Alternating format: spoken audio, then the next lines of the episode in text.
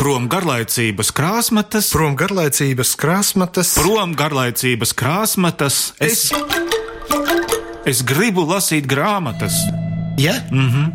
Raidījumā cienījamie lasītāji, etīdes par literatūru. Svētdienās, 11.36. LR1. Esiet sveicināti, cienījamie lasītāji! labdien! Sven, man te ir jautājums. Nu, nu, sakiet man, kīsa kā mākslinieks māksliniekam. Jā, tu jau trāpīji Nu, nu. pilnīgi tajā tēmā, kuru es tev gribēju uzdot. Kā tev šķiet, kā izskatās pilsēta N? Nu, izņemot to, ka tur ir tikai apbedīšanas kantori un frizētavas, es pilsētu N iztēlojos, zini, kā to mazo modeļu veida, to diorāmas veida pilsētiņu, kurā tika filmētas animācijas filmiņas avārijas brigāde.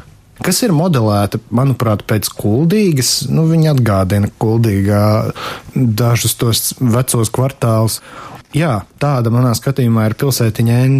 Es nedaudz papētīju vairāk par šo interesanto literatūras fenomenu, un pirmo reizi pilsēta N parādās Gogoļa mirušajās dvēselēs. Tur ir, starp citu, gan pilsēta N, gan arī pilsēta NN, kas eh, netieši norāda, vai arī pilnīgi tieši norāda uz Nižņī Novgorodu. Pēc tam viņi parādās arī Gogoļa revidentā, un arī Čehova lugās un stāstos. Tur Gēņeva garstāstā Asija, pat Dostojevskis ir izmantojis um, pilsētu N, un, protams, 12 krēsli, Ilfa un Petrova, kur arī tavs pieminētais citāts par uh, abedīšanas birojiem un frizētavām. Par to pilsētu N ievads jā. ir tādēļ, ka arī latviešu novelists Jānis Ezeriņš savā novelē apstarotā galva izmanto pilsētu N un ne bez iemesla, jo arī Ezeriņš ļoti aizrāvās ar krievu klasisko literatūru un īpaši ar Gogolu un arī ar Gorkiju. Un šodien mūsu uzskatas laukā ir Jāņa Ezeriņa noveļu un stāstu izlase, kuru mēs atradām Velgas Kriles istabā. Un šo grāmatu mums laipni patapināja dzēnietes māsa Antra. Par to viņai paldies, kā Paldies, arī par Antra. visām pārējām grāmatām, kuras šajā mēnesī esam aplūkojuši. Un eh, Jānis Ezeriņš ir um, kā tāda melna pērle, kurā ir arī gaiši lāsumi. Nodzīvojis tikai 33 gadus, arī šo rakstnieku tāpat kā daudzus citus spožākos mūsu 20. gadsimta literātus, arī viņa mūžu izdzēš dilonis, jeb tuberkuloze, ar ko gan viņš sākotnēji diezgan sekmīgi tiek galā sanatorijā netālu no Suhumī, Kaukāzā. Un um, neskatoties uz šo pavisam īso mūža apjomu, viņš ir atstājis diezgan fenomenālu mantojumu mūsu literatūrā. Vai zini, kā mūsu draugs un kādreizējais raidījuma galvenais varonis viesturs vecgrāvis ir nosaucis Jānis Ezeriņu? Lūdzu, Viņš viņu ir nosaucis par tipisku holērisku sievīrazes bohēmisku rakstnieku, kurš bieži vien ir eksplozīvs. Tu zini, Jānis Ezeriņš bija viens no pirmajiem autoriem latviešu, kurus es atklāju. Es domāju, tieši atklāja tādā ziņā, ka skolas programma ir skolas programma, bet pēc tam kaut kad savā brīvajā laikā pēkšņi izrādās, nu, ka ir arī kaut kas ārpus tā visa, un, un, un izrādās, ka tur ir kaut kādi ļoti daudz interesantāki dziļumi visā tajā kopainā. Tur bija tā tieši šim žanram veltīta izlase, un es atceros, ar cik lielu pārsteigumu es to, un cik lielu izbrīnu es to visu lasīju. Man liekas, ka Dievs, cik drūmi un asprātīgi vienlaikus. Un, un tagad, pēc eh, daudziem gadiem, atgriežoties pie Jāņa Ezeriņa novelēm, es aizvien, jāteic, jūtos stipri līdzīgi. Viņam ir ļoti plašs, turpinot tevis iesākto analoģiju, tāds instrumentu arsenāls, sauksim to tā. Ja bieži vien, teiksim, 20. gadsimta sākuma autori mēdz operēt ar kaut kādu pamatu tēmu, gan vienu stāstu ietvaros, gan vairāku, tad man ir tāda sajūta, ka ezeriņš, nu, viņš aptver visplašāko emociju spektru un cilvēka dzīves aspektu, tādu klāstu.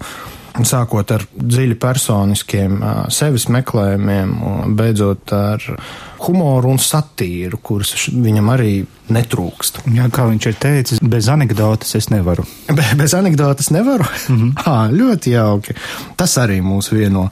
Nu, tad varbūt kādu anekdoti no ezeriņa krātuvītes. Ja tev ir tāda iespēja, mēs varētu to paklausīties kopīgi. Nu, laikam ir jālasa par bārdziņu salonu.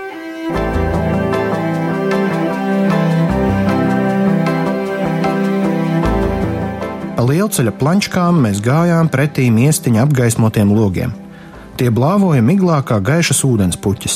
Tur bija vesela rinda māju, krogus, aptieka, tirgotava, bet, kad piegājām tuvāk, aiz nolaistiem priekškariem varēja jaust kūtras ēnas lokāmies. Krogus malā, kur mirkā arī mana drauga zirgs, uz gaišāka loga stāvēja uzraksts Matu griezējs un bārdu dzinējs Maišelis no Rīgas. Instinktīvi es pieliku roku pie zoda. Kā tad? Viņš bija tā sazēlis kā kaktus skrogu slogā. Tas nu man nebūtu negalēmoja.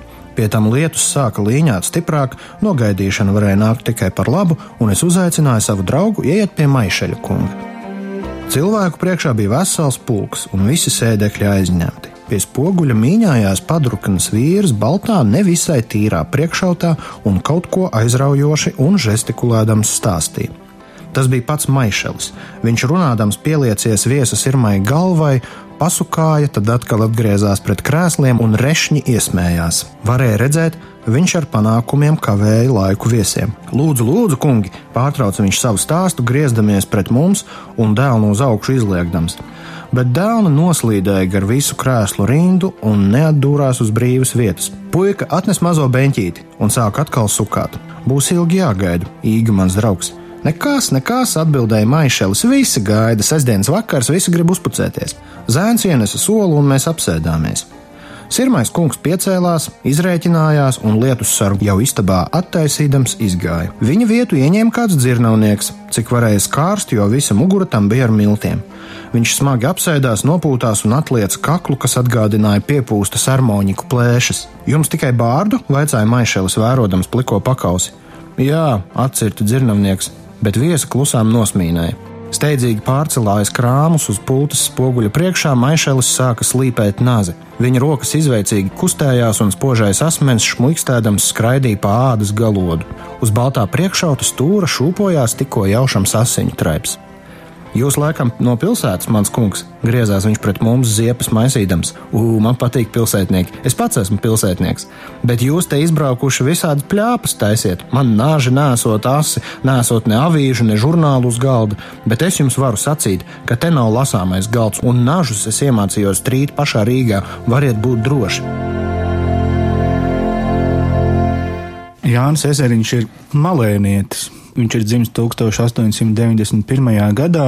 Zēnam vēl mazam esot tēvam, diemžēl ir jāpārdod ar parādiem apgrūtinātās mājas, taču viņš patur tiesības tajās dzīvot līdz pat mūža beigām. Nu, līdz ar to ezeriņa bērnība nav tā pati rožainākā, taču jau no mazotnes viņu saista rakstniecība, tāpēc ka nu, vecāku mājās ir daudz grāmatu, un kaimiņos dzīvo rakstnieks Augusts Saulietis, ar ko ezeriņa tēvs draudzējas. Un arī liela nozīme ezeriņa pasaules izpratnē viņa vecmāmiņai, jo viņa māca viņam tautas dziesmas, lasa pasakas, un arī pasaku motīvs ezeriņa daļradē ir nozīmīgs. Pēc pagastu skolas beigšanas ezeriņš sāk mācīties Valkas skolotāju seminārā Valmierā, un tur sadraudzējas ar rakstnieku Leonu Paegli, un jau pēc krietni ilgāka laika Leons Paegle recenzējot ezeriņa grāmatas lejerkastu otro daļu, atceras ezeriņu semināru laikā un raksta par viņu, ka ezeriņš bija oriģināls jau no izskata. Slaiks, mati nekārtībā, blūze uz iekritušām krūtīm vienmēr vaļā, pats dzīves, jautrs, zobgalīgs ātri novēroja līdzbiedru trūkumus un mīlēja pasmieties par tiem, tāpēc daži viņu neieredzēja. Bet draugu kompānijā nebija jautrāka un interesantāka biedra par ezeriņu. Semināra laikā ezeriņš sāk aizrauties ar Oskara Vailda darbiem. Viņš ir iztulkojis arī Vailda darbu Doriana Greja ģimene, un tāpat viņu uzrunā Edgars Alans Po, Henriks Ibsens, un Ezeriņš ir arī diezgan daudz atzījojis, piemēram, Aleksandru Bloku, Puškinu, Ādamu Mitskeviču un arī Šārlu Bodlēru. Pašam Ezeriņam pirmais darbs iznāk 1907. gadā Edvarda Trēmaņa zvārguļa apgādībā esošajā zobgaļa kalendārā, un tas ir tāds uh, anegdotisks prozas dialogs Veltas bailes, kuru viņš paraksta ar pseidonīmu Orions. Un dzēja ezeriņam ir ļoti nozīmīga, un arī pats viņš ir sākotnēji vēlējies tieši iet dzējas ceļu. Ir pietiekami daudz publikāciju, laikrakstos, un 1925. gadā iznāk eh, dzējoļu krājums Krāšņatas. Tas ir arī vienīgais dzējoļu krājums, kas viņam ir, bet neskatoties uz to dzēja caurstrāvo ezeriņa prózu, um, to apstiprinot, es nolasīšu pēc tam arī mm, fragmentu no viena darba, kurā es sajūtu šo ezeriņa dzēnieka profilu, Un pēc semināra beigšanas Ezeriņš strādā par palīgu skolotāju Lazdonā. 1916. gadā Ezeriņš aprets ar skolotāju Antoniju Erdmani un abu laulībā piedzimst meitiņa Rūta, un tad pienāk 1917. gads, revolūcija Krievijā un gadu vēlāk, kad Latviju okupē Vācu karaspēks, un arī šis motīvs parādās viņa darbos.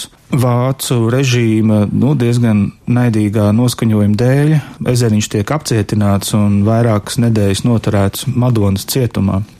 Un 1919. gada rudenī ezeriņš pārceļas uz Rīgu un strādā par literārās daļas vadītāju laikrakstā brīvā zeme.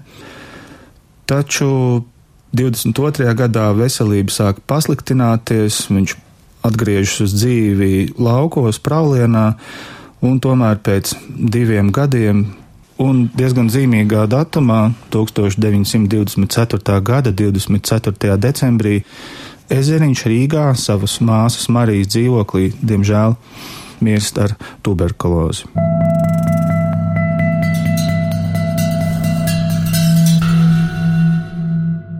Ļoti daudz kas no tā visa, ko tu tikko uzskaitīji, parādās viņa stāstos, nu, kas, protams, nav arī nekas pārsteidzošs, ņemot vērā, ka literatūra ļoti bieži ir autora dzīves spogulis, bet kas man šķiet ļoti ievērības cienīgs tieši vismaz šī apkopojuma kontekstā, es pieļauju, ka tu arī to pamanīji, ka es jau pirmīt mazliet ierunājos par viņa daudzpusību, bet Viņš ļoti bieži raksta par visādām tādām sīkām saimnieciskām klapatām, par mājas grāmatas uzskaitēm, piemēram, par alus brūvēšanas un tirzniecības niansēm. Viņam bija viens stāsts par to, cik labi iet nelegāls alus brūvēšanas biznesa kara laikā, piemēram, ja? vai tur nebez kritikas. Uh, arī tas, jā.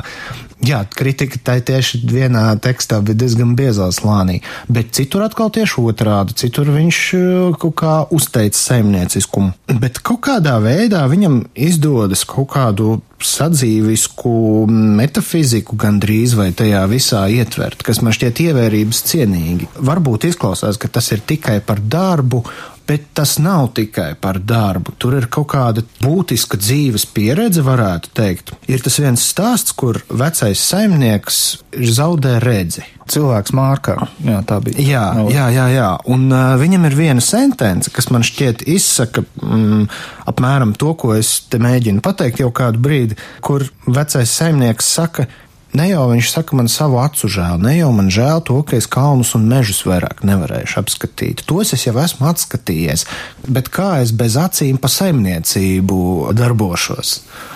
Un tas kaut kā man likās tik ļoti spēcīgi, ka bez tās savas darbības viņš principā vairs nevar būt tas, kas viņš ir. Kaut kādā veidā man šķiet, šitie motīvi ļoti labi slēdzās klāt pie tā biogrāfiskā gājuma, kāds viņam ir bijis. Nu, jā, tāpēc, ka viņš var būt daudz savādāk nekā citi autori saslēdz. Darbu, mājas, lauku, klēti, visu pārējo un cilvēku kopā, kā jau tu minēji, daudz metafiziskākām saitēm, nu, ka tā nav tikai poētiska, cildinoša darba tikuma slavināšana vai arī apjūsmošana, un tā nav arī dienas grāmata par to, kā tajos un tajos laikos mēdza kult labību vai arī malt graudus vai apstrādāt zemi, bet tā ir arī varbūt kaut kādā ziņā cilvēka liktenis noslīpēšana tieši tādās šķautnēs, kura katra parāda tos pienākumus, kurus cilvēkiem ir jāveic, ja viņi ir izvēlējušies, vai arī dažreiz tas ir pat bijis bez izvēles, nu, ja viņi ir tā dēvētie zemes cilvēki, un kuriem ir tā māja, ir tas lauks, ir tās ganības, un tas ir arī viņa liktenis. Un ne tikai jā, tāda apsveikuma koncerta noskaņās ar apsveicam jubilāru ar kuplo teliņu pulku, bet kaut kāds fatālisms. Nu, tu zini, es gandrīz vai no tā formulējuma izņemtu pat ārā vārdu liktenis un paliktu pie tā, ka tā māja un tā saimniecība ir tāds kā tā cilvēka fizisks turpinājums. Tā šausmīgā nedalāmība. Man vajag acis, lai es varētu saimniekot pa māju, nekam citam. Tas, lūk, ir tas lielais atklājums, kas man savulaik tā ieblieza pa galvu. Cienījamie lasītāji un arī klausītāji, šodien mēs runājam par Jāņa ezeriņa noveļu un stāstu izlasi.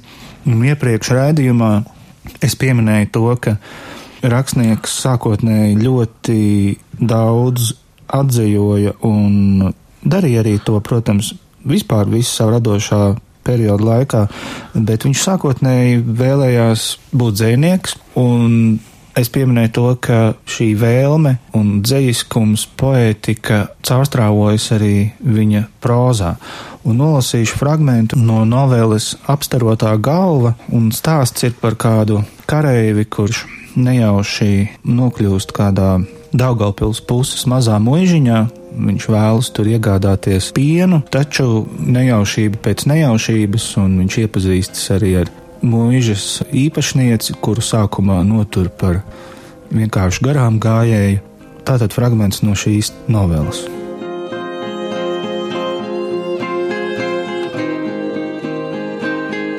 Dārzā viss bija kā vakar. Saule atkal rietēja, krēsla lija pār zariem, un dunēdams nokrita kā cābols. Maija kundze nosēdās šūpuļu tīklā, vērodama mani un māsu viegli smaidot. Māsu, viņu sauc Olgu Grigorjevnu, piepieši aizsauc kāda balss. Man liekas, tā bija saimniece. Es drīz būšu atpakaļ, sacīja viņa aizskriedama. Mēs palikām divatā. Lai nebūtu tūdaļ jānosēstas, es pagāju dažus soļus kurp jūs aizklīstat? Apskatīt jūsu dārzu, viņš ir brīnišķīgs. Vai nav taisnība, ja zobenu vietā dievs jums būtu piešķīris pinzeli, no jums iznāktu labs peizāžists, bet ļoti slikts žanrists? Kā tā? Jūs mīlat kokus, zāli, vakara debesis, bet bēgat no cilvēkiem. Te viņa pēkšņi piecēlās, piesoļoja gluži blakām un turpināja: Dievs tēvs, kura ainava cieši tik izklaidētas figūras, bet tagad es jums parādīšu dārzu. Patiešām es biju pelnījis šos pārmetumus. Es nogāju garām sievietei, lai jūsmotu par viņas aizmuguri, jo šis dārzs taču šovakar nebija nekas vairāk kā brīnišķīgs, ēnu pilns fons mums pašiem, mums pāris jauniem, spēcīgiem cilvēkiem. Viņas miedamās paskrēja dažus soļus uz priekšu un turpināja jau pavisam citā balsī. Lūk, šī stūrī aug tikai apses. Klusumā viņas dreb kā karavīri pirms uzbrukuma. Tomēr vētrā vienīgās māk klusēt. Tad vaid tikai šīs eglis gar dārza malu. Un lūk, tur aug papele, kurā šopavasar izvadāja bērnus kāds nepazīstams putns. Mēs neviens viņu nepazinām, un te ir mana trusīšu kolonija. Viņu palicis pavisam maz, toties tie ir paši varonīgākie un skrien astītes saslējuši. Žēl, ka es nevaru viņus parādīt, tagad tie guļ kā ģenerāļi. Es nožāvājos. Jūs jau vēl neesat ģenerālis, viņa atcita man uzbrukumu, ar kuru es domāju iznīcināt viņas kareiviskos salīdzinājumus. Atgriezušies, mēs jau iesēdāmies šūpuļu tīklā, kur drīz vien mums piebiedrojās jaunākā māsa, piešķirot savā nevainībā daudz vairāk brīvības mūsu kustībām un tīri miesīgai vaisirdībai. Šeit var droši šūpoties, viņa teica, jo pat krītot nav jābīstas no nāves. Viņa sēdēja apus blakām, apdvešot ar savas miesas silto vijību, un tanī brīdī, kad jaunās nerātnes pēkšņais šūpojiens gribēja visus izmest no tīkla, mūsu galvas sasitās kopā un manas lūpas atdūrās pret maija kundzes pērļoto zobu rindu, kuru es augstsirdīgi aizsēdzu ziņkārīgai vasaras nakts tumsai. Kad uzliekas mēnesis, mēs pāriesim pie galda, sacīja Olgas jaunkundze. Tagad tur nekā nevar redzēt. Nakts rotaļīgās stundas, kas viņu maigai tumsai piejaucis tās burvju zāles, kas cilvēkus vieno ciešāk nekā praviešu mācības, vabolas dūciens gaisā, zvaigznes lidojiens cauri zariem, tāls suņa rējiens, smarža no vēlīna zieda, viss savērpj tos liegos, bet nesaraujamos pineklos, kuros mēs ļaujamies slēgties, nezinādami kāpēc. Lūk, pagāja stunda, uzliekas mēnesis, un mēs dzērām vēsu pienu, bet tur bija arī medus, kur es neatradu pietiekoši saldu, jo neapdomīgā kārtā jau biju pieskāries Maija kundzes lūpām. Kaut nedarītu to neviens, kur laipna un jauna kundze vasaras naktī grib pacienāt ar dzintarotu medu, jeb viņš paliks šīs smaržīgās ziedu sulas, mūžīgs ienaidnieks.